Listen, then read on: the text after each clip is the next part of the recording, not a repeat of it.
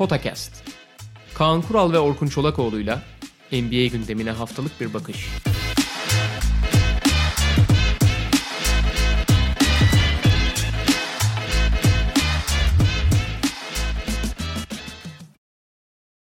Merhaba, Podcast'e hoş geldiniz. Kaan Kural'la birlikte playoff'ta serilerin geride kalan ikişer maçını konuşacağız. Hatta son maçı da bekledik bitsin diye ve başlıyoruz. Tabii Doğu Konferansı ile başlayacağız yani sıcağı sıcağına diye e, Lakers Portland'da değil Doğu Konferansı ile her zaman olduğu gibi ve tepeden başlıyoruz. Milwaukee Orlando. E, 1-0 Orlando öne geçmişti Kaan abi. Bugün Milwaukee 1-1'e getirdi seriyi. O seriyle başlayalım. Yani tabii ilk maç herkes için bayağı bir sürpriz oldu. Ee, şu açıdan sürpriz oldu. Şimdi hani maç deng e, maç içinde her şey olabilir e, herhangi bir maçta ve mesela geçen sene Orlando ilk maçta Toronto'yu yenmişti deplasmanda ama o maç çok inanılmaz şut attıkları bir maçtı takım halinde. Bu sefer tam öyle değil. Yani evet Vucevic çok ekstra oynadı. 8'de 5 üçlük attı falan ve hiç eşleşemediler onunla.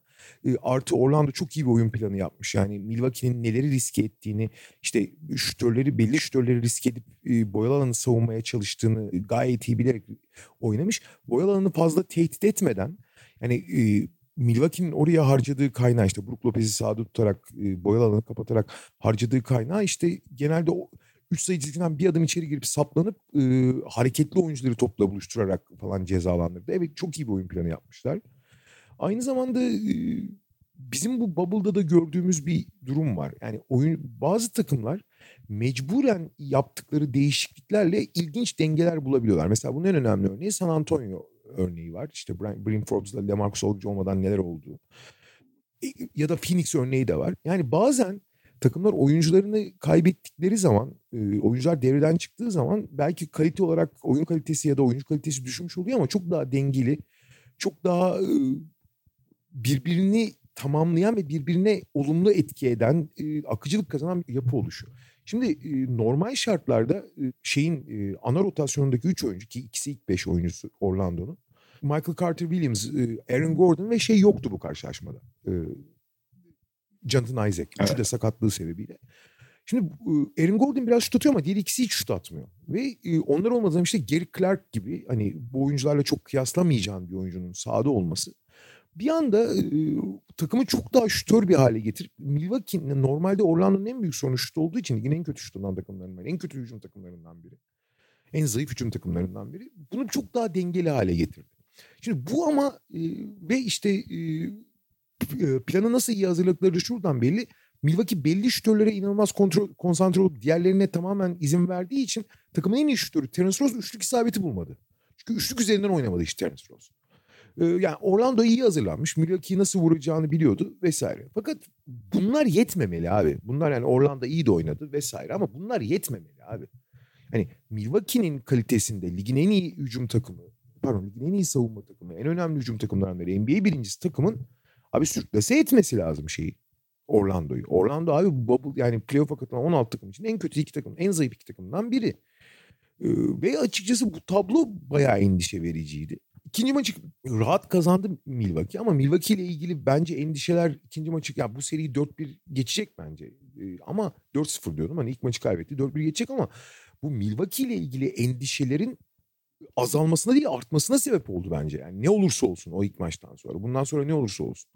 Ee, bir kere e, Yanis'e karşı takımların aldığı önlemler 3 aşağı 5 yukarı aynı. Yani duvar kuruyorsun Yanis'e. Yanis gelirken 3 kişi birden Yanis'in olduğu yeri kapatıyor ve onun ilerlemesini engelliyor. Şimdi burada Yanis iyi bir pasör olduğu için şutörleri buluyor. Şut sokabilirlerse hani çok da bir şey olmuyor. Rakibin aldığı bu önlemi cezalandırıyorsun. Çünkü bir yerden önlem alırsan başka bir yerden açık verirsin. E, fakat buralarda o şütörleri de tam doğru açılarda falan bulamazsak bir tane Yanis dışında karar vericiye ihtiyaç duyuyor Milwaukee. Bu geçen sene de böyleydi. Bu sene de böyle. Şimdi geçen sene Malcolm Brogdon ve George Hill bunu yapmıştı. George Hill biraz daha düşük oranda. Malcolm Brogdon büyük oranda. Ve Chris Middleton esas burada yani takımın ikinci All-Star olarak esas bu işleri yapması gereken Chris Middleton çok kayıptı. Bu, bu seride yine aynı şey var. Yani Yanis'e o önlemler gelince ikinci karar verici, e, rakibin aldığı önlemleri cezalandırıcı oyuncular başta Chris Middleton olmak üzere e, istenenleri vermekten çok uzak. Abi o kararları George Hill veya Chris Middleton vermediği zaman Chris Middleton hiç vermiyor. George Hill veriyor ama zaten kısıtlı sürelerde oynuyor.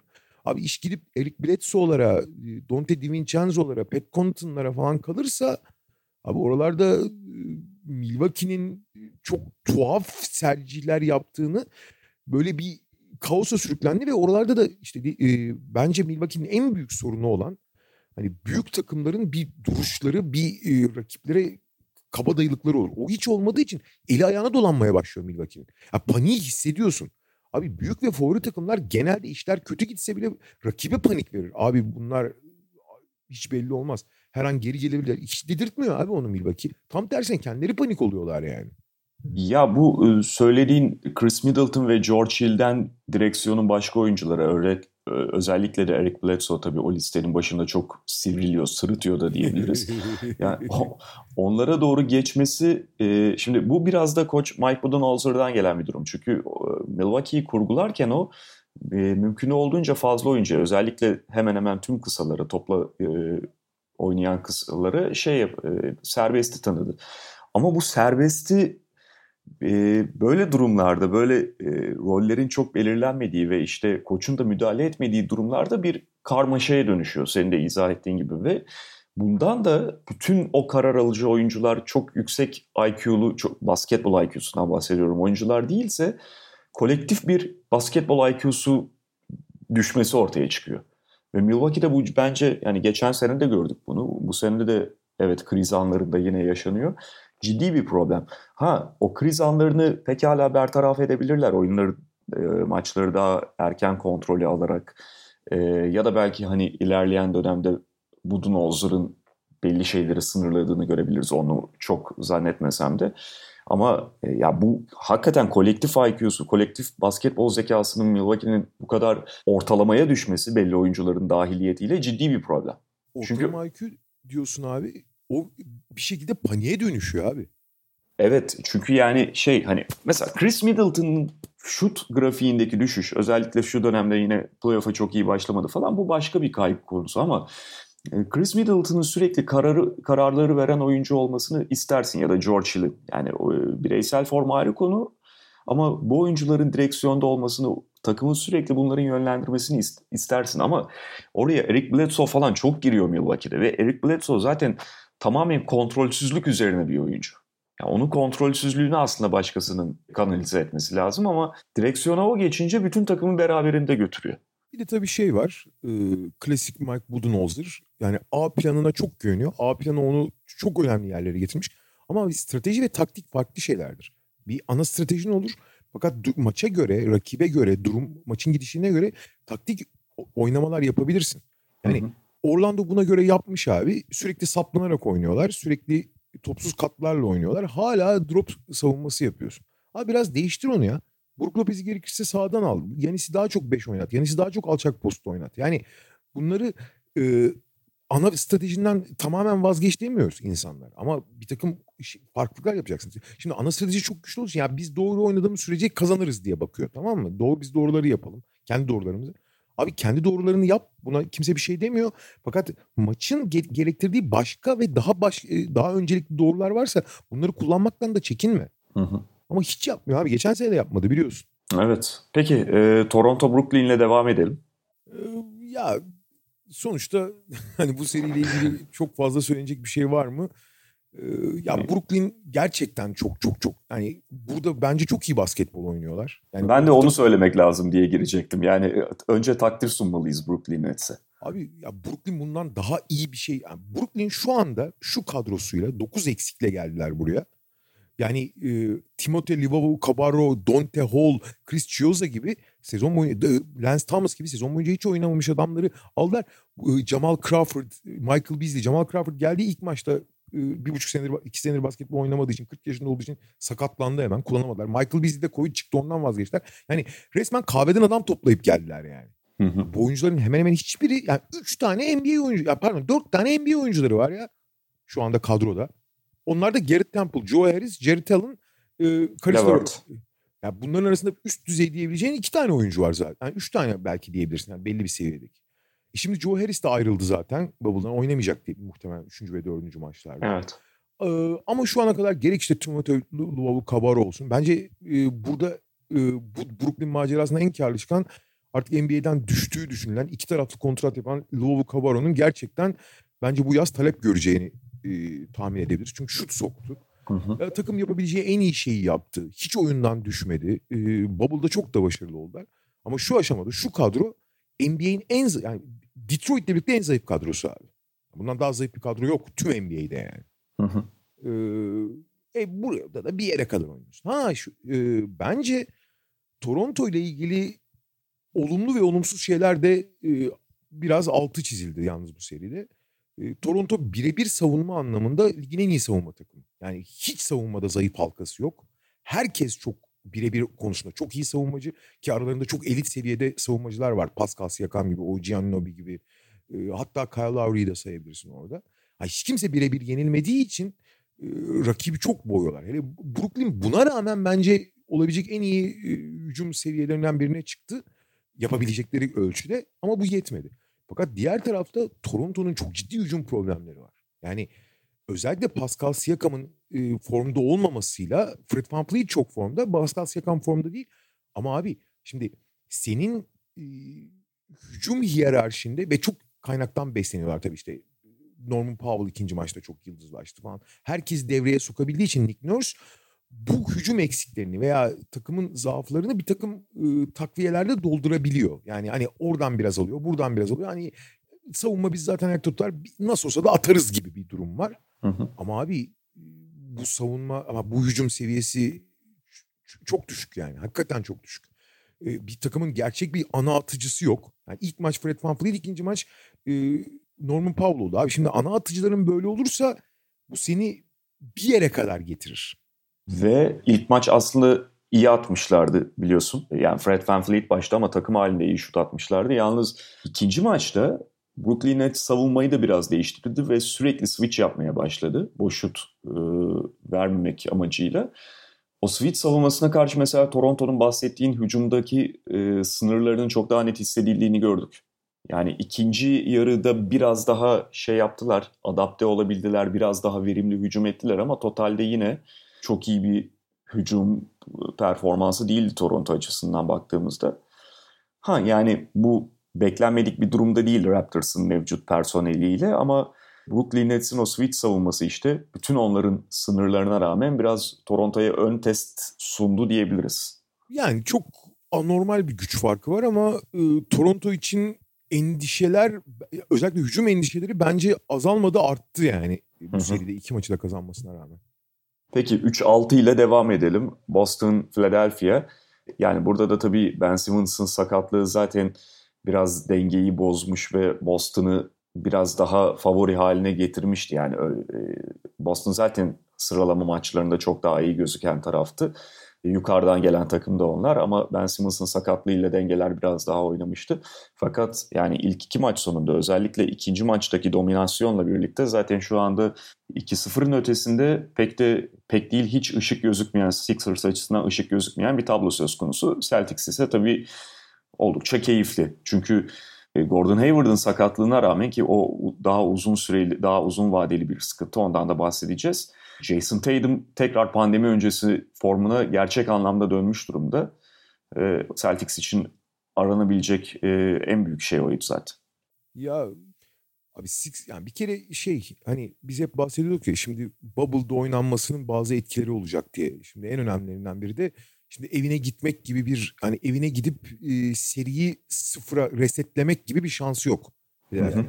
Ve Philadelphia'nın e, takım içinde ne kadar e, problemli ve ne kadar dengesiz, ne kadar özgüveni e, şey kırılgan bir takım olduğunu düşünürsek Philadelphia'nın ben üçüncü maçın nasıl çıkacağını çok merak ediyorum. Yani tamamen teslim olmuş bir havaları vardı çünkü. o, o havanın bu takım içine dağıtılabileceğini zannetmiyorum ben. Belki hani deplasmanlı olsa ve Philadelphia'ya dönüyor olsalar bir şeyler değişirdi de çok teslim olmuş bir hava vardı.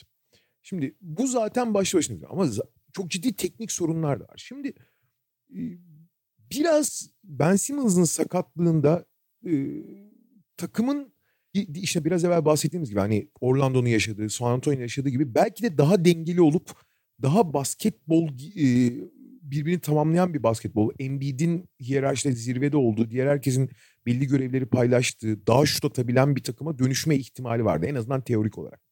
Fakat bunun için abi bütün oyuncuların hazır, takımın da ona göre kurgulu olması lazım. Yani Brett Brown'un bir sürü günahı var ama en büyüklerinden biri bence bir takımı genel olarak e, yan parçada işte 8. 9. 10. oyuncuları başka rollere hazır tutamaması. İkincisi bunun daha önce provasını yapmak için herhangi bir çabası vesaire olması. Yani bir anda a bugün de böyle oynuyoruz dediğin zaman öyle olmuyor abi işler. Hani takım daha dengeli olsa bile.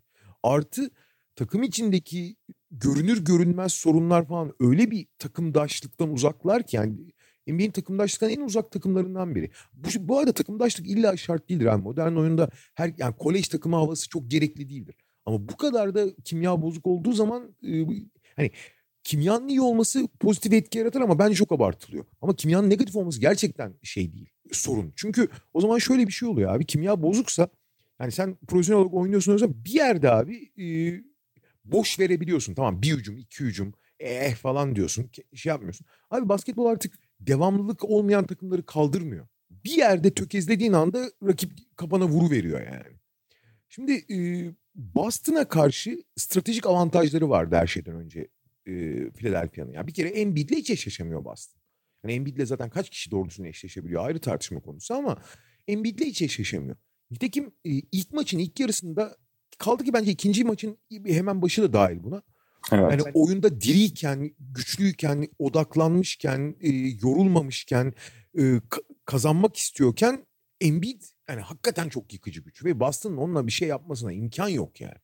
Ama abi her şeyden önce Embiid bunu ne fiziksel olarak ne zihinsel olarak koruyamıyor. Hemen kolaya kaçmaya başlıyor. Ee, işte işler iyi gittiği zaman ulan ben bu kadar takımı taşıdım şuradan iki tane de üçlük sıkı vereyim araya diyor.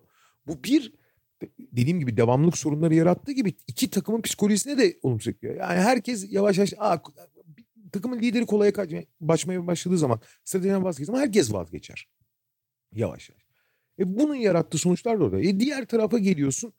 Jason Tatum öyle bir seviyede oynuyor ki ve Boston'da e, şeye kadar yani Şubat'a kadar çok belli olmayan işte e, çünkü Boston'ın en önemli e, hücum silahları e, dört hücum silahı işte Kemba Walker, Jalen Brown, Gordon Hayward ve Jason Tatum.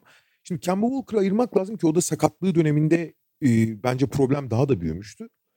Bu üç oyuncu Gordon Hayward, Jalen Brown ve Jason Tatum arasında birbirinin rollerine çok basan oyuncular bunlar. Yani genelde aynı pozisyon gibiler neredeyse. Aynı şeyleri çok yapmıyorlar ama birbirinin rolüne çalması, birbirinin ayağına basması çok mümkün oyuncular. Fakat Jason Tatum'un bu çıkışı Jalen Brown ve Gordon Hayward'ın onun etrafında, onun yaptıkları etrafında kendilerine rol biçip bunu ıı, tamamen içselleştirmeleri, bunu bir rekabet haline dönüştürmeyip bir dayanışma haline dönüştürmeleri aslında bütün dengeleri bir anda yerine oturttu. Yani birbirlerinin ayağına basma ihtimalleri varken tam tersine beraber dans eder hale geldiler. Tango yapar hale geldiler.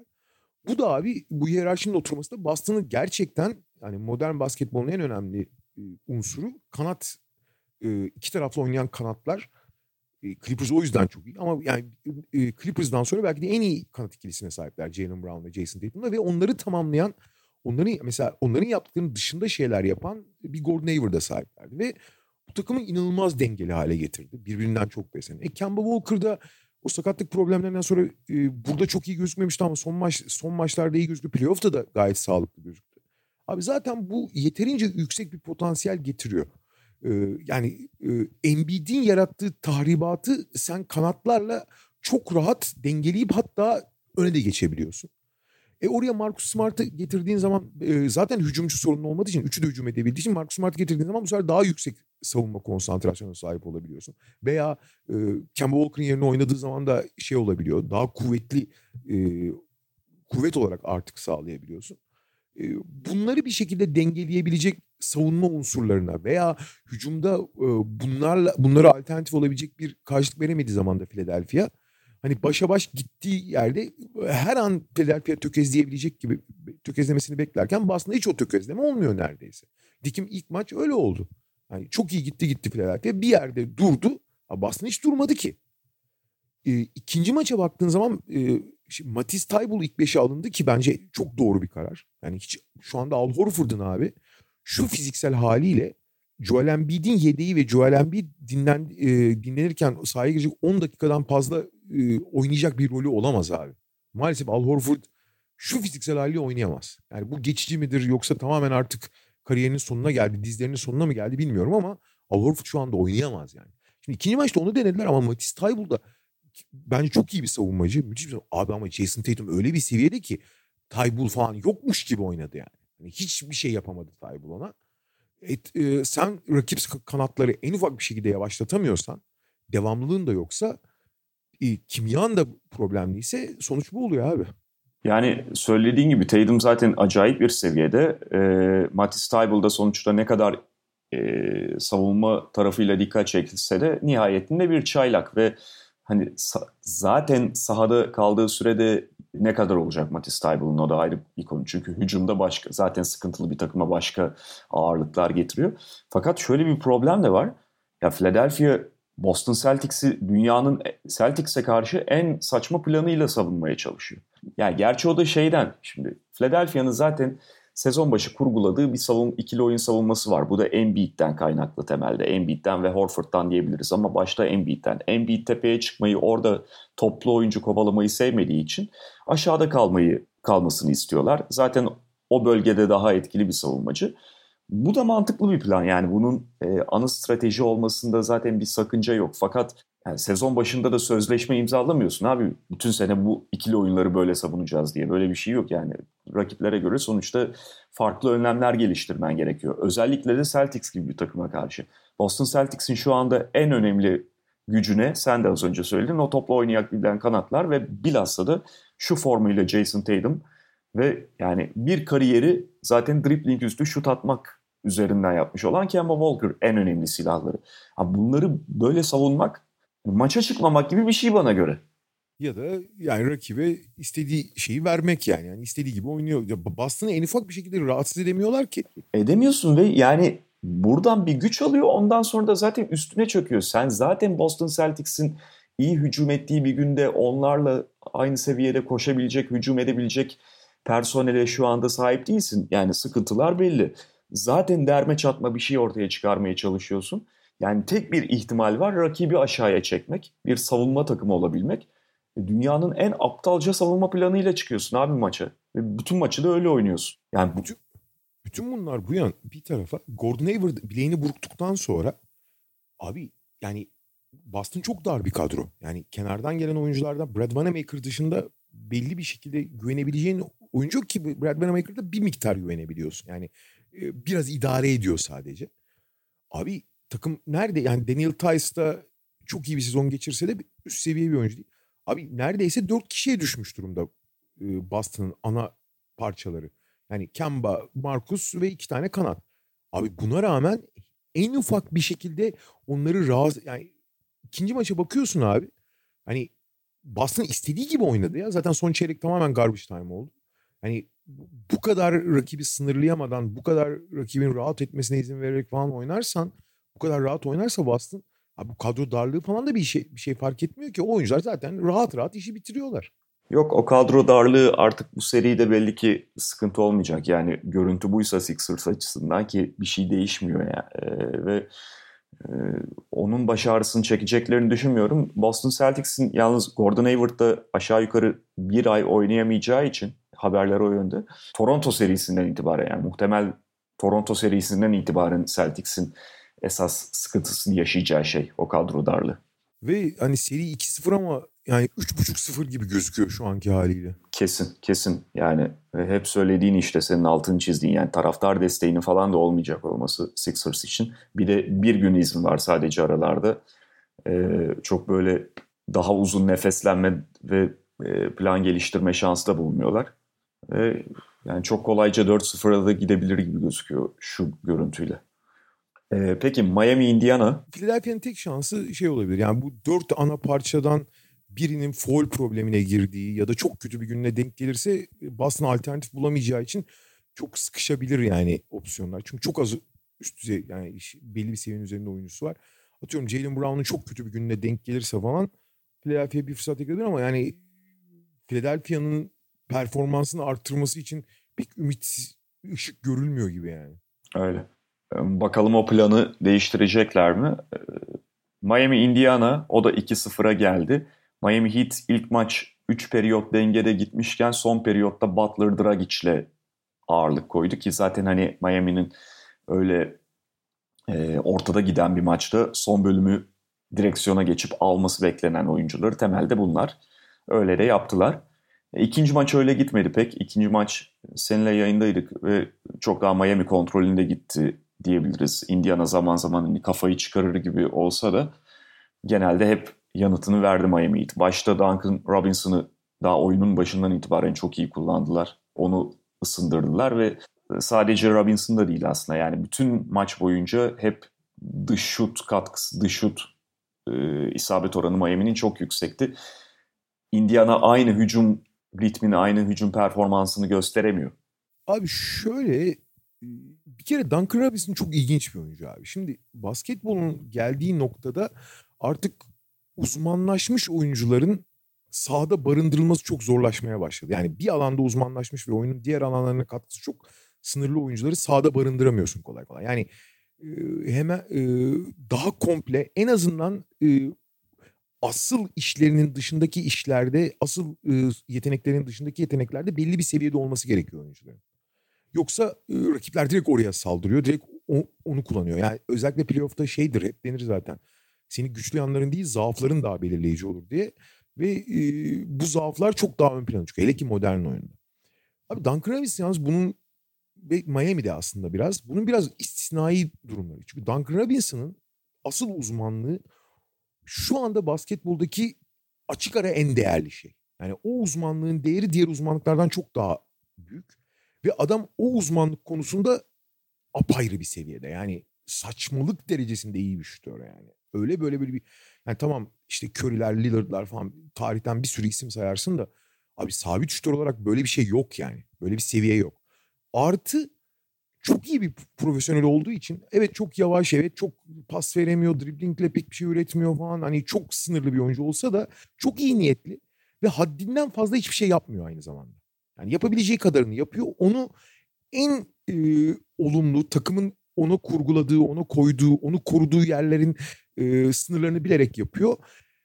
En azından yarattığı zaafı sınırlamaya çalışıyor ve yarattığı tahribatı da maksimumda tahribat yaratıyor. Yani öyle böyle bir tahribat değil o zaten. Yani bir oyuncunun ona yapışması gerekiyor abi.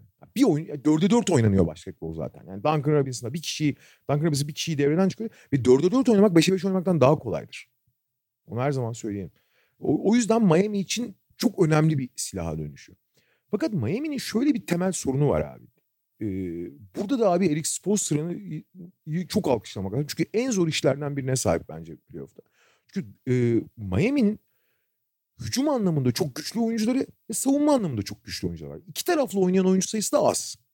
Şimdi iki taraflı oynayan oyuncu sayısı az olduğu zaman bunları nasıl kombinleyeceğin ve nasıl maçın gidişatına göre, e, oyunun gidişatına göre, oyuncuların form durumuna göre foul problemine yani o anki şeyde sürekli bir karar vermen lazım. Yani maç hazırlığını yapıyorsun yapmasına ama hani her dakika yeni bir karar ve yeni bir şey yapman lazım. Bunun için acayip konsantre ve e, her dakika bir seçim yapman lazım. Ve Eric Spoelstra e, bu alanda bence NBA'nin en iyilerinden biri. E, ki her zaman doğruyu veremezsin ya istediğin şey sonuçlanmaz.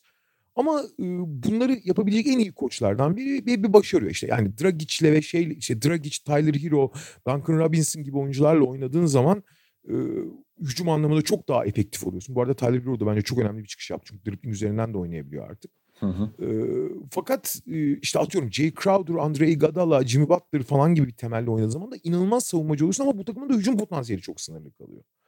E, orada en önemli unsur e, mesela şey de ilginç abi. Bam Adebayo da ilginç. O da mesela e, belki de modern uzun profilinin en iyi örneği. En iyi modern yani eğer 2020'li yıllardaki uzun ne der, uzun nasıl olmalı dersen Ben Adebayo'yu tanımlarsın. Ama abi o da hücum anlamında çok iyi bir pasör olmasına rağmen savunmada her pozisyonda yer değiştiriyor. Savunmada zaten her şeyi, bütün gedikleri kapayan bir oyuncu. O hücumcuların sahada olduğunda Bam Adebayo'nun varlığı pek çok şeyi dengeliyor. Ama hücumda mesela bir skorer değil ve skor potansiyeli aslında bayağı düşük şeyin Bam Adebayo'nun. Bu da başka problemler yarat, e, yaratabilecekken e, bu dengeyi bulmayı başarıyor Miami bir şekilde.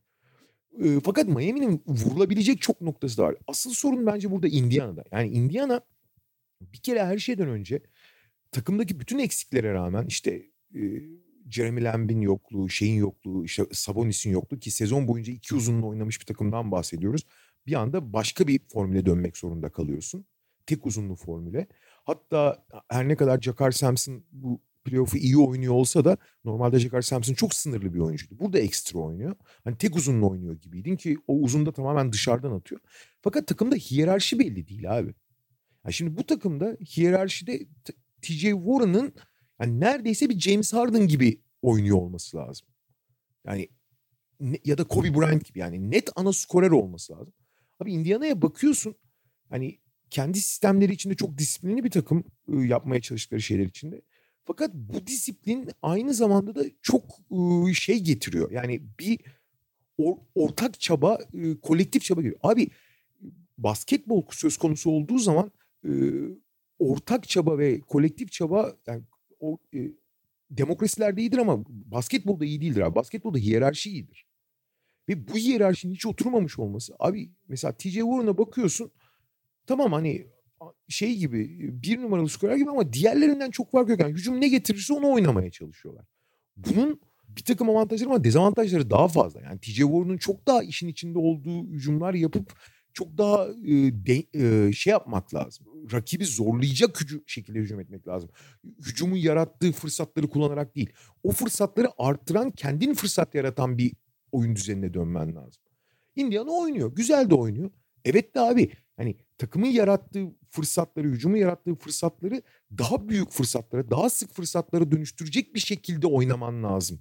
Artı e, Indiana evet bir kolektif çabadan normalde e, yükselen bir takım ve yani tam kadroyken bunu yapabildiklerinde gerçekten hani e, çok tehlikeli hale geliyorlar ama orada Domantas Sabonis biraz şey yani bazen hakkı verilmiyor çok kritik bir oyuncu o trafikte. Şimdi Sabonis zaten o çekilmiş durumda denklemden Oladipo sakatlık sonrasında kendini bulabilmiş değil ama e, eski ezberleriyle oynamaya çalışıyor. Bu iki tane faktör yani Sabonis'in olmaması ve Oladipo'nun hiçbir sorunu yokmuş gibi eski haliyle, eski ezberleriyle oynamaya çalışması çok sekteye uğratıyor Indiana'nın makinesini. Yani o zaman işlemiyorlar işte. Ve söylediğin gibi hiyerarşi de belli olmayınca, belirsizlik olunca, TJ Warren yeterince belki öne çıkarılmayınca e, Miami gibi bir savunmaya karşı tosluyorsun abi. Yani şey kulağa hoş geliyor tamam mı? Abi biz disiplinli bir şekilde oyunumuzu oynayalım. Oyunun yarattığı avant, oyunun yarattığı fırsatları kullanalım. E iyi abi. Ama daha çok fırsatı yaratan bir oyun oynayın abi. Oyuna bırakmayın fırsat yaratmayı. Siz fırsatı yaratın, oyunu fırsata yani oyunu fırsata dönüştürün ama hiç öyle bir yani Nate McMillan o konularda falan çok inatçıdır zaten. Hani hiç öyle bir şeyleri yok. Ya mesela burada Justin Holiday'den falan ekstra verim alıyorlar vesaire de e, abi hani ondan ekstra verim alacağına TJ Warren'dan al ekstra verimi abi. Yani sürekli TJ Warren'ın floater'ını yani NBA'nin en iyi floater'ına sahip. Yani o tehdidi o tehdit üzerine oynuyor. Çünkü abi abi modern basketbol tamamen rakip savunmadan bir avantaj almak ve rakip savunmanın ekstra önlem almasına ve sonra o önlemi, o avantajı sonuca dönüştürmek üzerine kurulu. Abi Miami'nin ekstra önlem almasına gerek bırakmıyorsun. Üstüne üstlük Miami gibi kutuplaştırıcı yani savunma hücum beşleri olan bir takımın istediği gibi sahada kalmasına izin veriyorsun sen bu şekilde. Sen Miami'nin istediği gibi sahada kalmasına izin vermeyecek ve yaptığın işle Miami'yi bir şeye zorlayacak takım olman lazım. Indiana Miami hiçbir şeye zorlamıyor abi. Hı hı. Bir de Indiana'nın çok ciddi bir rebound zaafı olduğu için çok çok kötü bir rebound takımı Indiana. Miami çok rebound konusunda sorunlu beşler yani. Kelly, işte Kelly Olynyk, Goran Dragic, işte Duncan Robinson gibi beşleri sahada tutabiliyor bu yüzden. Bir de yetmezmiş gibi. Yani hiçbir şekilde Miami'yi belli şeylere zorlayacak bu kadar işte dediğim gibi kutuplaştırıcı takımı belli yani belli şeyleri çok iyi yapıp belli şeyleri yapamayan oyunculardan kurulu takımı sahada istediği gibi durmasına izin veriyorsun sen. Orada da işte yine Sabonis çok arıyorlar tabii. Çok arıyorlar tabii canım. Yani sezon boyunca alışkan. O, o zaten yani takımın en üst düzey reboundçusu ve ligin üst düzey reboundçularından biri. E, artı içeride çok tehdit var. Şimdi içeride sıfır tehditsin abi sen. Miles Turner müthiş bir çember ama içeride tehdidi sıfır. İçeriden tehdidin sıfır. Çok dışarı ağırlıklısın. E bunu e, tamamen e, perdeler üzerinden konuşuyoruz. Dribbling üzerinden üreten oyuncun da yok. E, abi e, seni çok e, tahmin edilebilir ve karşısında istediğin gibi oynayabileceğin bir takım haline getiriyor bu. Çünkü sen ne yaptığın çok belli tamam mı? Hı hı. Ona karşı sen istediğin gibi oynuyorsun abi. Evet ya bu da 2-0'a geldi ve şu görüntüyle Miami için devamı da çok rahat olabilir gibi. Bu arada Ee, Goran Dragic çok çok iyi bir performans. İlk maçı çok iyi oynadı. İkinci maçın ilk yarısı kötüydü ama ikinci yarıda muazzam oynadı. Yani Miami açısından Miami de çünkü hücum anlamında sorunlu bir takım. Ama Goran Dragic hem yönlendirici hem atıcı olarak böyle bir rolde olunca o hücumdaki sorunları da büyük oranda dengeleyebiliyor. Aynen öyle. Peki Batı'ya geçelim. Burada da 1-8 ile başlayacağız. Lakers Portland'la. Portland ilk maçı kazandı ve bir anda zaten hani Portland'ın tehlikeli bir takım olduğu Lakers açısından Lakers'ın özellikle sıralama performansı, sıralama maçlarındaki performansıyla konuşuluyordu. Bir de ilk maçı kazanınca lan ne oluyor bir sürpriz çıkar mı so- soruları daha fazla sorulmaya başladı.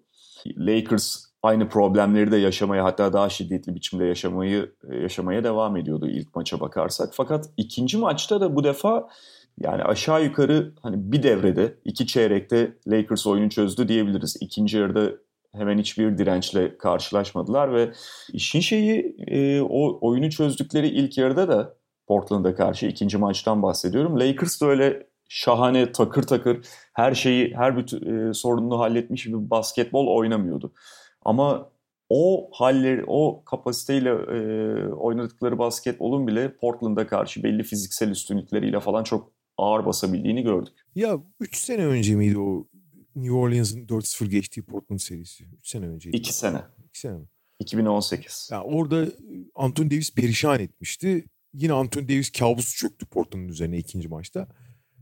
Yani Anthony Davis kendini maça verdiği zaman, odaklandığı zaman zaten ligin en iyi 2-3 oyuncusundan biri. Belki de birincisi kendi pozisyonu için. Ama Anthony Davis'in maçın içinde olması lazım. Yani ilk maçta iyi gün kötü günden farklı bir şey bu biraz. Evet kötü iyi bir gününde değil Davis ama abi Davis'in maçın içinde olması bambaşka bir şey. Zaten süper yıldızlar arasında bence maça girmesi en zor oyunculardan biri. LeBron'un varlığı onu çok daha değerli kılıyor. Maça çok dahil ediyor çünkü. Ama bu maçın başından itibaren maçın çok içindeydi. Yani sürklase etti ya şeyi e, Portland'ı. E, ama ve çok rahat kazandı Lakers. E, LeBron James'in 10 sayıda kalıp 6 top kaybı yaptığı bir maçı Lakers 30'la güle oynayıp kazanıyorsa hakikaten tuhaf bir şey var demektir yani. yani hakikaten 10 sayı 6 rebound 7 asist 6 top kaybıyla oynadı LeBron James. 11'de 4 şutla. Çok sıradan gözüktü LeBron. E, yani varlığı bile pek çok şeyi değiştiriyor ama çok sıradan gözüktü.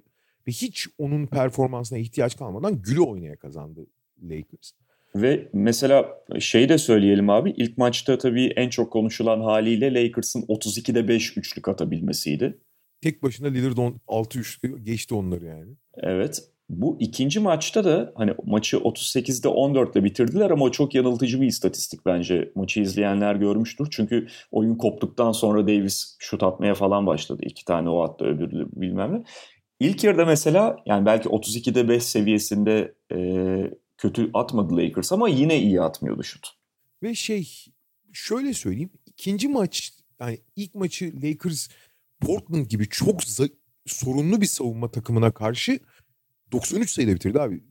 Portland bu sene şeyden beri şu, e, Aralık'tan beri kimseyi yüzün altında tutmuyormuş ya. Hı hı. Ve yani burada e, Bubble'da da görüyoruz gelen 120 gelen 130 atıyordu Portland'da. Portland sadece daha fazla atarak kazanıyordu. Bence en endişe verici olan tablo oydu. Yani atıyorum 125 117 falan yenilse Lakers anlayacağım. Yani Portland acayip. Abi öyle bir şey yok. Lakers hiç hücum edemiyordu yani. Abi ikinci maçta evet Davis muazzam oynadı belki. Caldwell Pop da şut soktu ekstradan. Tamam bunlar güzel. Ama abi e, ikinci maçın hikayesi yani Lakers pek çok şeyi düzelttiğini falan zannetmesin. İkinci maçta Portland hiç maça giremedi ve paramparça oldular yani ve bir, bir süre sonra zaten havlu atlar daha ikinci çeyrekte e, bu pandemi şey bubble süreci boyunca Portland'ın 11. maçı bu ve hepsini de büyük bir gayretle ana oyuncularına anormal yüklenerek falan oynadıkları için e, fiziksel ve zihinsel olarak da çok yıprandığını söylemek lazım Portland'ın. Ve Lakers'ın uzun beşine sert savunmasına karşı çok çabuk teslim oldular ve bıraktılar maçı. Abi hı hı. üçüncü çeyreğin ortasında 5 asisti vardı Portland'ın yani. E, bir iki şut atlar girmeyince falan da e, bugün olmuyor hav- havasına girdiler ve düştüler çok oyundan yani. Hakikaten çok düştüler. Çok da kötü şut attılar onlarda. Çok kötü bir şut günlerine denk geldi. Lakers'dan bulaştı herhalde. Ee, ama e, bu ikinci maça bakarak Lakers işte 30 gerçi 30 olmadı sonunda. Garbage time'de fark biraz düştü ama yani normalde 35 ile kazandı Lakers. Ezip geçti yani. Fakat Lakers'ın sorunları çözdüğü falan zannedilmesin. Portland bu maçta hiç oynama, oynayamadı, oynamadı vesaire. Ha burada Lakers'ın savunma, Lakers iyi bir savunma takımı. Ve Hı-hı. Lakers'ın Portland'ı yavaşlattığını söyleyelim yani hani şey değil. Ama mesele Lakers'ı Lakers'ın sorunları çözülmüş değil. Lakers gene iyi savunma yapıyor. İlk maçta da kötü savunma yapmadılar. Bence bir takım stratejik hatalar yaptılar. Çok uzun kaldılar sahada. Mesela Davis'le Howard veya McGee olduğu zaman Portland'da ekmeğine yağ sürüyorsun. Portland o zaman Whiteside'da Nurkic'i yan yana oynatabiliyor. Portland'ın en büyük zaafı kanat savunması abi. O zaman o kanat savunması yerine iki uzunla oynayabiliyor Portland gayet abi. Çünkü kanatta abi Carmelo Anthony ile şey oynuyor ya. İşte Gary Trent oynuyor. Abi bunlar kimi savunacak Allah aşkına yani. Yani LeBron param yani öldürüyor Carmelo Anthony'yi zaten normal şartlarda. Kanatta zaten kimseyi savunamayan bir takım. E kısa savunması da çok sorunlu. Genel olarak savunma sorunu zaten. Ama Whiteside ile Nurkic yan yana oynatabiliyorsan ki normalde oynatamazsın.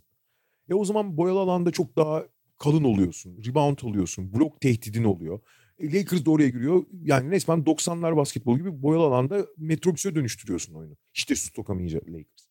O yüzden ikinci maçı ezip geçmiş olabilir Lakers. Ama bu sorunlarının çözüldüğü veya ilk maçta yaşadığı sorunlar e, o maçlık demek değil bu. Bence sorunlar sürüyor.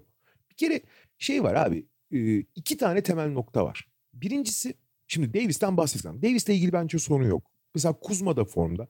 Bence Frank Vogel'ın artık bir an evvel inadından vazgeçip LeBron, Kuzma, Davis'le yani 3-4-5'i LeBron, Kuzma, Davis'in e, olduğu beşleri ana beşler haline getirmesi lazım. İlk beş başlamayabilir ama ana beşlerin öyle olması lazım.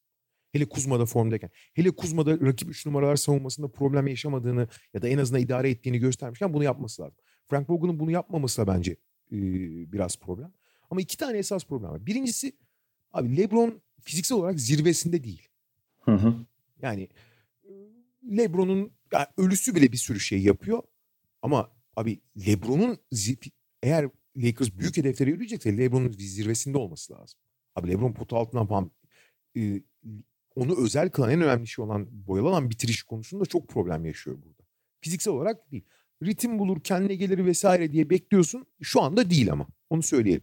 Olabilir. Yani bir çok çok özel iyi bir profesyonel olduğu için, kendine baktığı için hani ritmini bulduğu anda ki ritim bulması gün geçtikçe zorlaşıyor onun. Yani geçtiğimiz yıllara bakarsak sezonu e, yükselerek tamamlıyordu. Bu sezon öyle bir şansı olmadı pandemiden dolayı.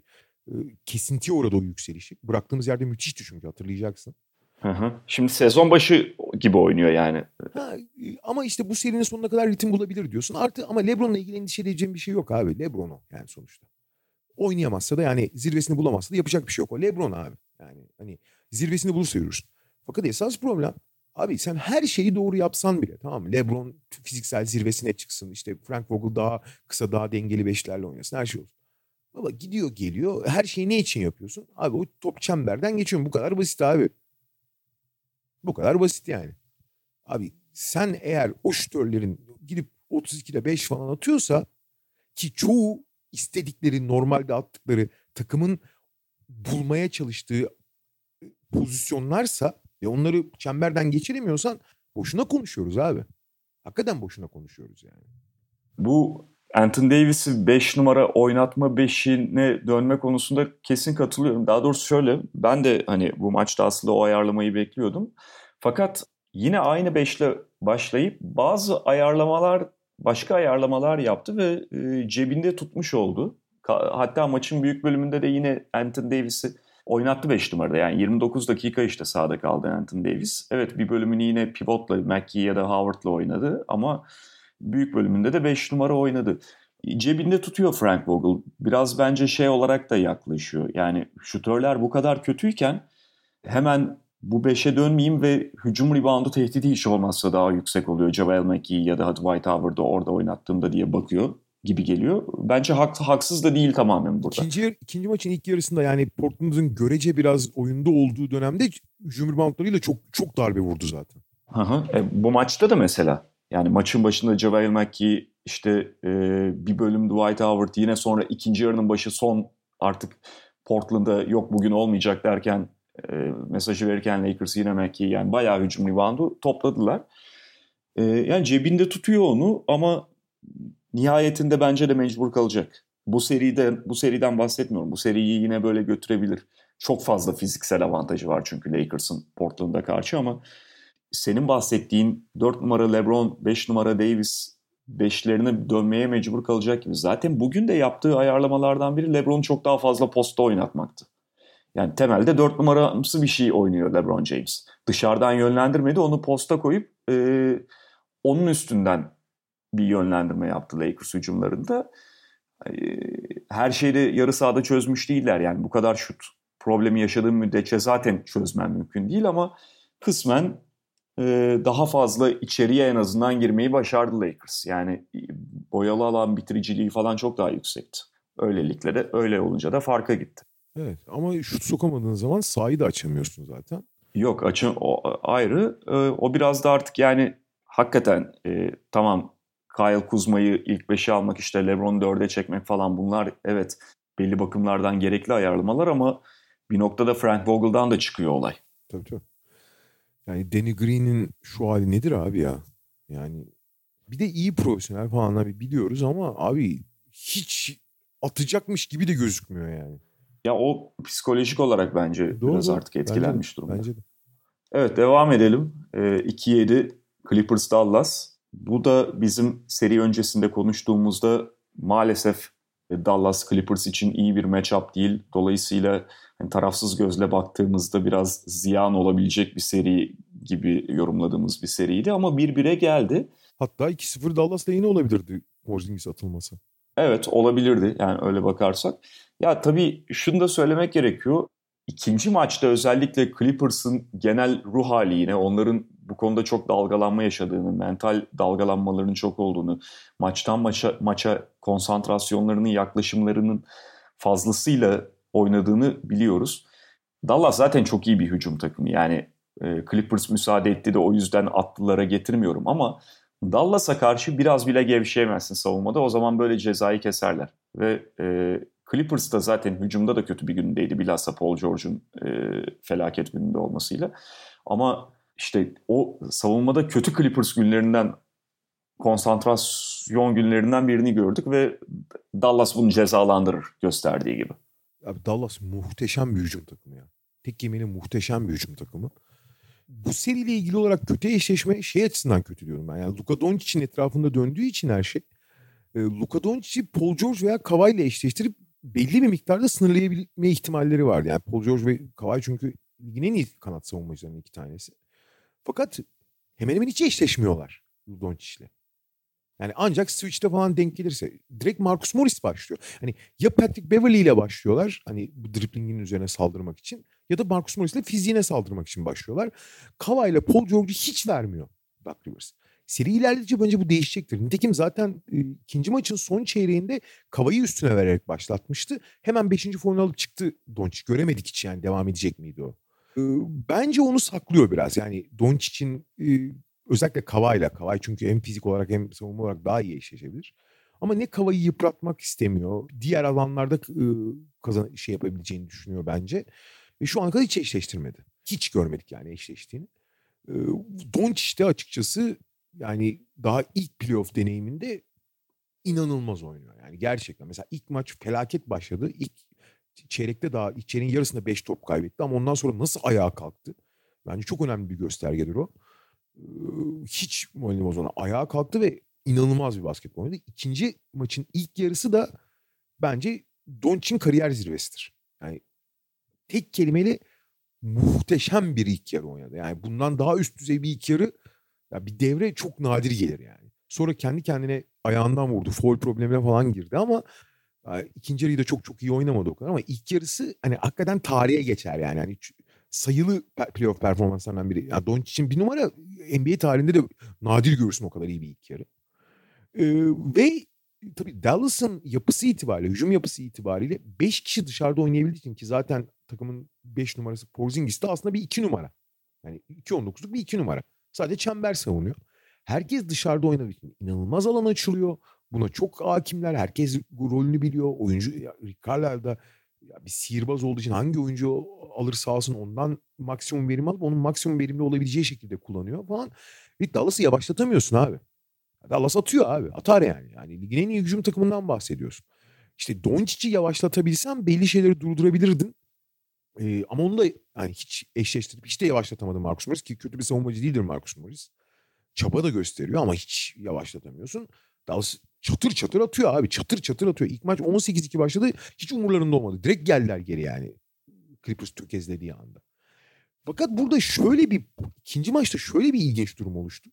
Doncic foul problemiyle oynamazken abi Trey Burke'le Seth Curry büyük oranda Trey Burke'le biraz da Seth Curry dehşet saçtı ya. Onlarla eşleşemedi esas Clippers. Patrick Beverly'nin olmamasını burada bence çok büyük bir çok aradılar yani. Çok zengin bir kadro. Ama abi Patrick Beverly gibi topla çok çabuk gardlarla eşleşebilecek oyuncu bulmakta çok zor. Yani bulamadılar daha doğrusu. Landry Shamet'i denediler. İşte Ray Jackson zaten hiç alakası yok oralarla. Yani hiç olmuyor. Yani Patrick Beverly olmayınca Trey Burke bir de herkes dışarıda olduğu için 5 kişi dışarıda şut atabildiği için içeri giren bir oyuncuyu hakikaten kimse kovalayamıyor. Kendi adamıyla başa baş kalıyor ve Trey Burke paramparça etti onları. Paramparça etti. Keza Seth Curry. Seth Curry de çabuk bir oyuncu ama kendi e, şey doğru pozisyonda aldığı zaman şutunu bulabildiği zaman çok rahat atıyor. O da paramparça ettiler. Yani e, Doncic'in olmadığı bölümü muazzam geçti Dallas. Şimdi e, Doncic e, eğer bunu yaşarsan e, bu hücumu hiçbir şekilde e, şey yapamıyorsan yani birebir eşleşemiyorsan ki Clippers'ın en önemli özelliği birebir eşleşebilmesiydi her takımla. Böyle eşleşemediğin zaman e, çok sorun yaşıyorsun savunmada. Bunu ancak ve hani belli ki Clippers e, bu Dallas hücumunu belli bir seviyenin altına çekemeyecek. Yani o belli. Ama Dallas'ın da bir zaafı var. Dallas da savunma yapamıyor. Abi Clippers'ın hücum ederek kazanması lazım. İyi hücum ederek kazanması lazım yani. E, ve işte Paul George böyle bir gün yaşadığı zaman falan da takımın zaten hani bir uyumu, bir ahengi hiçbir zaman olmadı. Şu dönemde iyiden iyiye e, sekteye uğramış durumda o ahenk uyum. E, işte Lou Williams'ın e, şeyin söylediğini Kawhi Leonard'ın birebirlerine çok kalıyorlar. Ancak öyle kazanabiliyorlar yani. Bilmiyorum hani Kava'yı eşleştirecek mi Doncic'le? Biraz daha bir de Clippers'ın şey hali var ya böyle bir hafif abi kazan oynuyoruz ya hali. Yani hiç bu ateşlendiğini görmüyorsun. O hal gelmezse de abi Dallas'ın ne kadar tehlikeli olduğunu hatta bu seride beklenenden de tehlikeli olduğunu tehlikeli derken hücum anlamında elit olduğunu diyelim daha doğrusu tehlikeyi boş ver. Hücum anlamında NBA'nin en iyi takımı olduğunu bir kere daha görüyoruz yani. İkinci maçta onu yaşadık zaten abi. Yani direkt ilk toptan itibaren o kadar e, yarım ağız savunma yapıyor ki Clippers. Ritim buldu Dallas ve yani işte bahsediyoruz çok potansiyelli bir hücum var Dallas'ın. Öyle yarım yamalak savunma yapamazsın. Ee, ikincisi senin bahsettiğin konu yani Trey Burke'le Seth Curry falan sahadayken ve sana e, darbe vuruyorken ya hiç olmazsa sen de onlara vurabilmelisin. Trey Burke'ün, Seth Curry'nin, işte Tim Hardaway'in falan bunların hep birlikte sahada kalabilmesi zaten Dallas hücumunu daha yukarıya taşıyor ama sen de bunların fizik dezavantajlarından, savunma zaaflarından karşı taraf olarak faydalanabilmelisin. Özellikle e, dış oyuncu seçeneklerin fazlayken. Ha, Clippers onu da yapamadı. Yani tabii orada Paul George'un çok kötü bir gününde olması falan tabii bu da faktör o ayrı bir konu. Artı mesela Paul George bu kadar kötü atarken Lou Williams'a daha Lou Williams'ın sahada kalmasına daha fazla ihtiyaç duyar hale geliyorsun. Ama Lou Williams başlı başına senin zaten sorunlu sorun yaşayan savunmana farklı sorunlar getiriyor. Böyle bir döngüye giriyor bu defada Clippers. Ama yani yine de abi bu biraz mental bir şey. Affı yok. Yani e, sen dedin ya Kawhi Leonard'ı Doncic'e verecek mi? Sırf takıma bir ton kazandırmak için bile vermeli. Çünkü Kawhi Leonard'ın Luka Doncic'i birebir alması ilk toptan itibaren takıma da bir mesaj verir. Ya da Patrick Beverley'in tabii ikinci maçta Beverley sakatlığı nedeniyle yoktu. Yani Beverley mesela bir oyuncuyu o gün e, verimli savunamıyorsa dahi, onun verimini aşağıya çekemiyorsa dahi herif sadece o tiyatral haliyle, teatral haliyle takıma başka bir e, ton katıyor zaten. Onu bir şekilde verebiliyor olman lazım. Kaldı ki bu arada Beverly 3. maçta da muhtemelen oynamayacak. Evet çünkü o quad sakatlıkları çok belalıdır yani. Abi Beverly çok haklısın o Beverly'nin verdiği enerjiye çok ihtiyaçları var. Gerçekten mesela Kavay çok özel bir oyuncu ama abi takıma enerji vermekten çok takımın enerjisini alıyor. Yani öyle bir şey yok takımda. Bir aciliyet hissi yaratan bir e, hani kasıyoruz beyler hissi yaratan bir oyuncunun kesin şart abi. Ya bakıyorsun abi takımın en şey oyuncusu ateşli oyuncusu Marcus Morris neredeyse yani. Abi Be Beverly'nin olması yani saha içine işte e, toplu oynayan kısaları savunabilme özelliğine çok ihtiyaç duymalarından öte daha çok ihtiyaç duydukları şeyler daha psikolojik abi. Clippers abi oynuyoruz işte ya falan havasında hep yani. Ya o yüzden vermesi lazım Doncic'e Kawhi Leonard. Bence de bence de. Ki bence onu üçüncü maçtan itibaren en azından ilk yarıda olmasa bile ikinci yarıda falan yapacaktır. Ya da belli yerlerde yapacaktır. Bütün maç vermek isteyecek mi emin değilim de iş sıkışırsa zaten 2-2'ye falan gelirse kesin yapar da bundan sonra yavaş yavaş başlayacak o iş. Ki dediğim gibi e, dördüncü çeyreğini hemen başında verdi. Direkt onunla başladı. Ama hemen bir dakika içinde beşinci foulünü alınca Doncic kenara gitti. Görmedik devam edecek mi diye.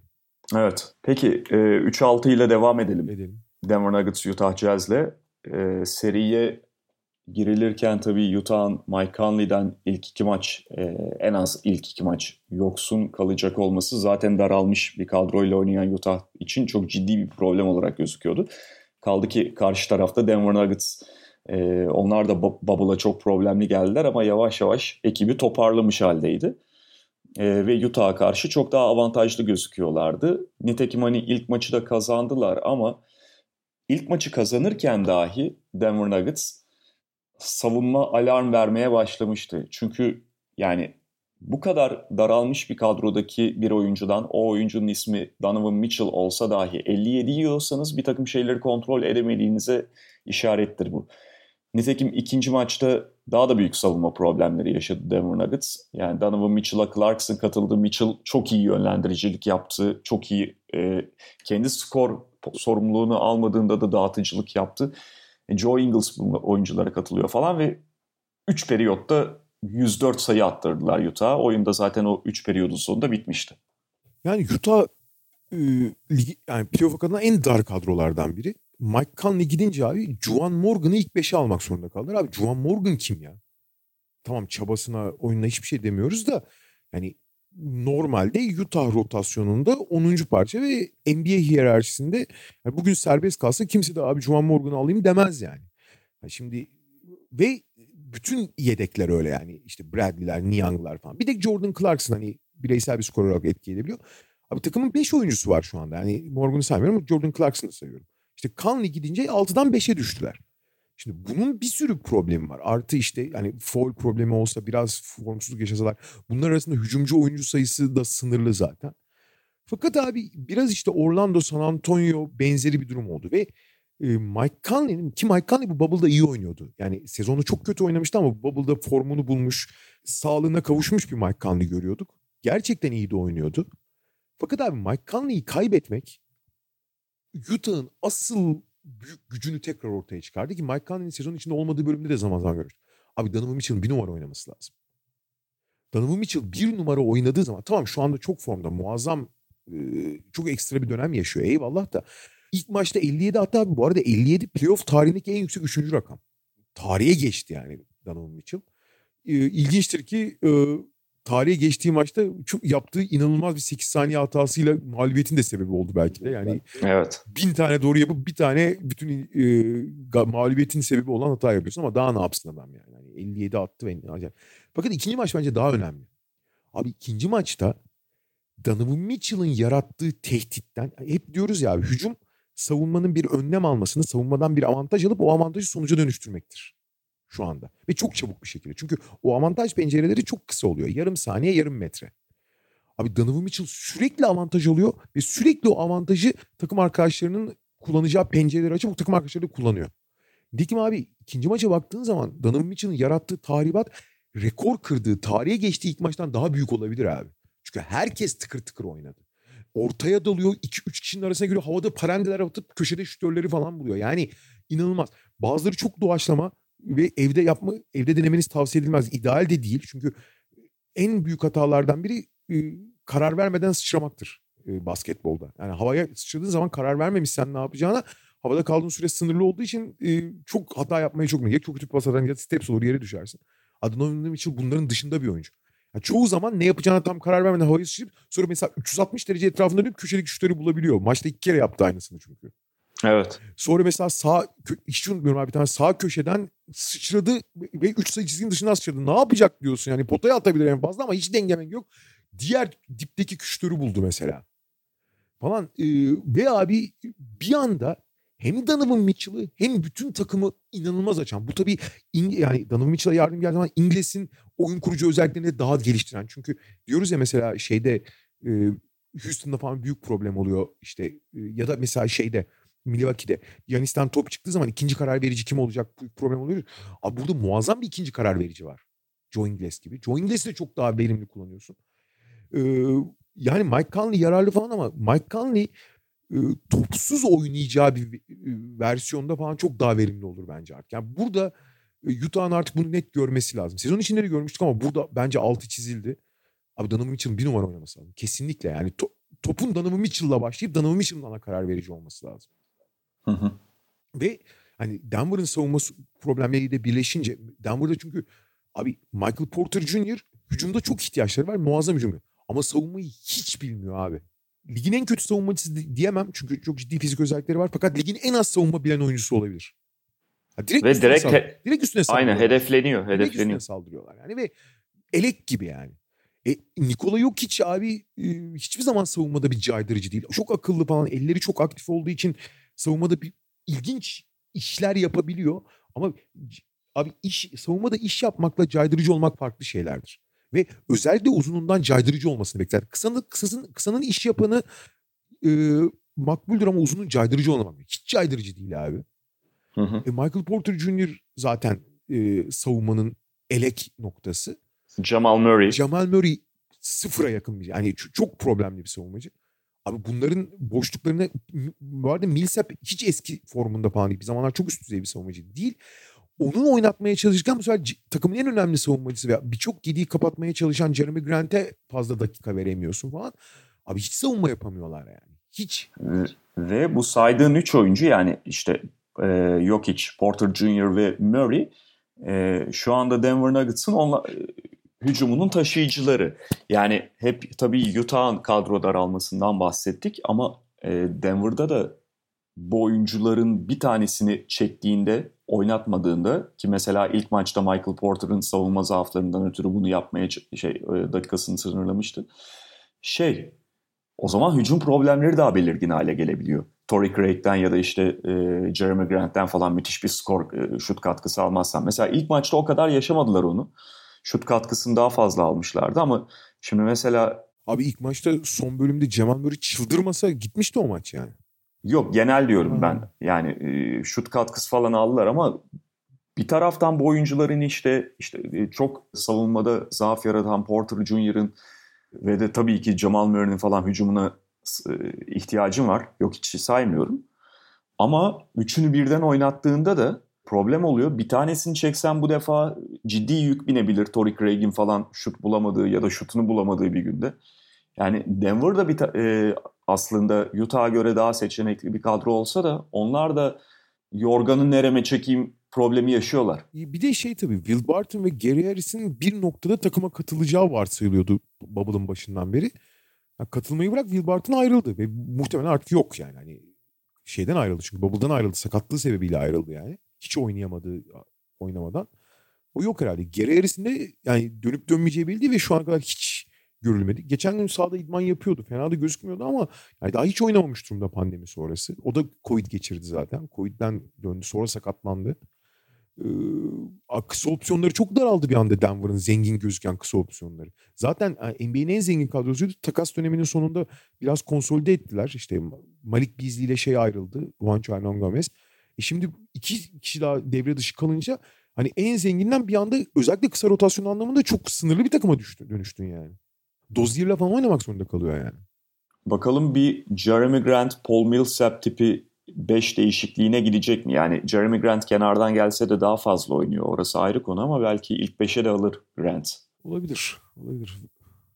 Şey yapabilir belki e, eğer skor iyi gidiyorsa hani biraz hani savunma hücum gibi e, Miami gibi yapıp işte Michael Porter Jr.'ı daha hücumcu beşlerde konup Jeremy Grant'i onun yerine 3 numarada konup. Jeremy Grant'in hani po- birçok pozisyon oynayabilmesi aslında avantaj doğru kullandığın zaman. Peki 4-5 ile devam edelim. Houston Oklahoma City. Ve şey ha bu arada şeyi söyleyeyim. Abi Utah çok net yani ben Denver'ın çok daha rahat olduğunu düşünüyorum, düşünüyordum ama şu an yani benim fikrimin net değiştiği tek seri bu oldu. Utah daha iyi abi. Çok sınırlı olmasına rağmen daha iyi yani. Denver'ın problemleri daha büyük. Öyle ama mesela Utah'ın da Mike Conley tekrar takıma, takıma katılınca senin o bahsettiğin rol dağıtımı nasıl olacak o önemli bir konu. Bir de Clarkson'dan her zaman bu kadar verimli katkı alamazlar. Ee, ama şey Utah en azından daha şey duruyor. Yani ne yapacağını bilen ve o yaptığını uygulayabilen takım gibi duruyor. Denver'ın sorunları daha büyük gözüktü bana. Houston Oklahoma City'ye geçelim. Bu da beni en çok şaşırtan seri şu ana kadar. Yani e, çünkü iki tane net galibiyet aldı Houston Rockets ve Westbrook yokken yaptı bunu. Hani e, seriyi zaten ikimiz de ve birçokları 7 maç üstünden veriyorduk. E, bu da net bir tarafın ağır basmadığı anlamına geliyor ama en önemli iki oyuncusundan biri yokken Houston Rockets'ın iki maçı da net kazanmış olması e, tabii onlar açısından çok iyi işaret ve e, diğer taraftan Oklahoma City Thunder'da bundan sonra buradan çıkabilecek mi emin değilim. Westbrook hani hangi noktada seriye e, takıma katılacak onu da bilemiyoruz ama e, Westbrook'suz Houston'ı da hiç bozamıyorlar ve kendileri tamamen raydan çıkmış durumdalar. Ya bir kere her şeyden önce e, Oklahoma City'nin en temel sorunu bu seride Oklahoma City ligin en çok pick oynayan takımı. Ve tamamen her şeyleri pick üzerine kurulu. Yani zaten bütün baskı yani her takım için pick and roll geçerli ama Oklahoma için Oklahoma City'nin bir kat daha geçerli. Ve Oklahoma City'nin maalesef izolasyon ve penetre üzerinden oynayan oyuncusu çok az. Ee, bir tek Dennis Schroeder. Ki Dennis Schroeder de çocuğunun doğumu için girip çıktığı için çok e, yani devamlılığı ve e, fiziksel olarak zirve döneminde değil. Şimdi abi Houston her şeyi switch ediyor. Her şeyi ama her pozisyonu. Zaten herkes 2 metrenin altında olduğu için. Ve abi buna karşı pick oynayamazsın ya. Pick and roll'un panzehiri bu çünkü. Ee, buna karşı iki şey yapabilirsin. Ya penetre edeceksin. Birebir üzerinden penetre oynayacaksın. Ee, ters eşleşmeyi yakaladığın zaman, switch olduğu zaman direkt e, atak edeceksin buna. Fakat mesela en önemli oyuncuları işte Chris Paul falan hiç atak edemiyor. Danilo Gallinari çok az edebiliyor ki Gallinari biraz verimli olabilir. Schröder'den bir bekliyorsun bunu. Schröder isteneni veremedi. İyi durumda değil zaten. Ve beni en çok ilk maçta şaşırtan şey Gilgis Alexander olmuştu. Gilgis Alexander'ın bunu yapabileceği, yap, yapabilme kapasitesi var ama hiç kullanmadılar. İkinci maçta çok kullandılar ama gene de yetmiyor. Ya da işte şey yapacaksın abi pick and roll yapar gibi yapıp erken yani switch gelmeden slip edeceksin. Hemen mesafeyi açacaksın yani ve uzunu bulmaya çalışacaksın. Evet bir ufak parantez açayım abi ya da ikili perdeler falan getireceksin. Yani daha komplike bir şey oynamaya çalışacaksın. Tek perde üstünden hani e, Houston'a zaten bağıra bağıra switch yaptıracağı bir hücum yerine daha komplike bir hücum organize edeceksin. Ya switch'i zaaflarını vuracaksın. Abi bunları evet. hiç vuramıyor ya Oklahoma City. Hiç vuramıyor. Fakat e, bu zaten hani çok bilinmi olmayacak bir şey değildi. Hani beklediğimizden daha büyük etki yarattı. Yani Oklahoma City buna karşı hiç kontra geliştiremedi. E, e, zaten bu sorun ortadaydı ama beklediğimizden daha büyük tahribat yarattı. Fakat esas mesele abi Oklahoma City yani güle oynaya oynuyor abi şey Houston. Yani James Harden ilk maçta gerçekten terlemeden maçı domine etti yani. yani ve şey yapmaya da ihtiyacı kalmadı. Hani skor anlamında falan ihtiyacı kalmadı. Bir iki yerde hani işte takım sıkıştığında birazcık skorda hani hafif bir şey olduğunda bir tane üçlük attı falan hani beyler sakin dedi. Onun dışında hiçbir şey yapmasına gerek kalmadı. Güle oynaya 30 küsur sayı 37 sayı mı ne attı? Acayip ortada bir attı. İkinci maçta Harden'a daha fazla yardım geldi. Daha fazla şey yaptılar. Fakat diğer oyuncuların yani sahaya bu kadar yayılmış takımı hiç savunamıyorlar. Burada şey çok önemli tabii. Yani Westbrook Westbrook'un yokluğu şey açısından büyük darbeydi. Yani Harden'a yardım, Harden'a sıkıştırma geldiği zaman topu kime verecek? Kim karar verecek? O karar verici Russell Westbrook olmadığı zaman ya da saldırıcı Russell Westbrook olmadığı zaman çok sıkışabiliyordu. Çünkü diğer oyuncular hiç hareket etmeden ve hiç toplu oynam oynamıyorlar. Hiç hareket etmiyorlar. Harden'a iki sıkışma gittiği zaman ölür diyor bakıyor. Fakat işte burada Eric Gordon'un dönüşü çok önemli bir şey oldu. Can kurtaran oldu kısmen Austin Rivers da yapabiliyordu ve beklenmedik bir şeyi Jeff Green de yaptı biraz. Ee, ve bir anda yani Westbrook'un yokluğunu yaratacağı asıl tahribat olan yani onun yeteneklerinden mahrum kalmak değil onun rolünden mahrum kalmak daha büyük problemdi. O rolü Eric Gordon fazlasıyla yapıp e, Oklahoma City'nin hani yardım getirmediği yerlerde zaten yeterince istediğini yapıyordu Houston. Yardım getirdiği pozisyonlarda da yani o tahribat maksimum hale geldi yani. E, bütün bunlar yetmezmiş. Şimdi Harden'a yardım etmiyorsun. Abi Harden'a yardım etmediğin halde yani savunmada bir e, kaynakları belli bir yere yönlendirmediğin halde abi ilk maçta 24 tane köşe üçlüğü attı Houston ya. Ve yarısından çoğu boş. Abi bu sabah da şey bu gece de bayağı attılar hatta. Evet. Yani ya kardeşim bu gece biraz daha yardım geldiği için hani belki biraz kaynak ayır. Abi yeterince kaynak ayırmıyorsun. Bari rakibin en çok istediği şutu verme ya. Hani hem yeterince şey yapmıyorsun savunmada belli kaynakları ayırmıyorsun. Normal standart savunma yapmaya çalışıyorsun. Hem de rakibin en çok istediği şutu sürekli veriyorsun abi. Sürekli. Aynen sürekli. öyle. Yani çift yönlü Thunder bu seriye ancak bu kadar hazırlanmayabilirdi. Evet. O bakımdan e, ciddi hayal kırıklığı. Yani Houston çok iyi seviyede. E, bilhassa Jeff Green işte e, ya işin ilginci hakikaten Harden'ı bu kadar öne çıkarmadan bu kadar domine etmeleri. O çok iyi bir işaret Houston açısından baktığımızda. Austin Rivers'ın, Jeff Green'in bireysel durumları, Daniel House'un. E, ama Thunder'da ancak bu kadar hazırlanmayabilirdi bu seriye yani. Ya da ne yaptılarsa artık hazırlık namına. Hücumda, savunmada yaptıkları hemen her şey yanlış gidiyor şu an. Ve mesela bütün bu Houston'ın ters gelen yapısına rağmen Chris Paul'un şu iki maçtaki hali de açıklanabilir gibi değil. Evet abi. Yani açıklanabilir derken abi kötü falan oynadığından değil. Abi şey yok. Hani bir de biliyorsun hani silik. Beni en çok şaşırtan o. Yani bir de bu, bu seri niye bu kadar civcivliydi? Hani takımların birbirine görece dengeli olması Westbrook'un yokluğunda dışında Chris Paul'un Houston'dan neredeyse kovulması neredeyse değil kovulması ve bunu çok büyük bir kişisel mesele haline getirmesi ve kişisel e, intikam serisi gibi olacaktı. Abi şey gibi yani e, abi Chris Paul'un en sıradan en saçma sapan maçta gösterdiği hırsı isteği falan isteğin çeyreğini görmüyoruz lan playoff serisinde. Öyle yani ve ikinci maçta eksi 36 yazdı ya. Yani tamam artı eksi zaman zaman yanıltıcı istatistik ortaya çıkarabiliyor da bazı çok kabarın istatistikler de bir şeylere işaret ediyor. Eksi 36 nedir abi? Abi şey yani iyi kötüden bağımsız abi yani oyuna ağırlık koymak e, şeyi görmüyorsun abi o ateşi görmüyorsun ben inanamıyorum yani. Hakikaten evet, inanamıyorum. Evet. Şey gibi ya resmen çocuklarını kaçırmışlar. Abi iyi oynarsan şantaj yaparız falan diyor. Hani hem kötü oynuyor hem de bir taraftan da depresyona girmiş gibi bir hali var. İnanılır gibi değil yani. Çok tuhaf gerçekten. Yani Houston çok iyi seviyede ama bu serinin bu görüntüsü beni çok şaşırttı. Beni de beni de beni de. Evet. Keşke bu seriye dair tahminimi revize edebilseydim ama bizde öyle şeyler yok. Neyle Sen başladıysak. Ben 4-3 Houston dedim. Yani Westbrook'un sakatlığından çok güç alarak. Öyle bir şey olmasaydım pardon 4-3 Oklahoma City Thunder dedim. Westbrook sakat olmasaydım Houston'a giderdim.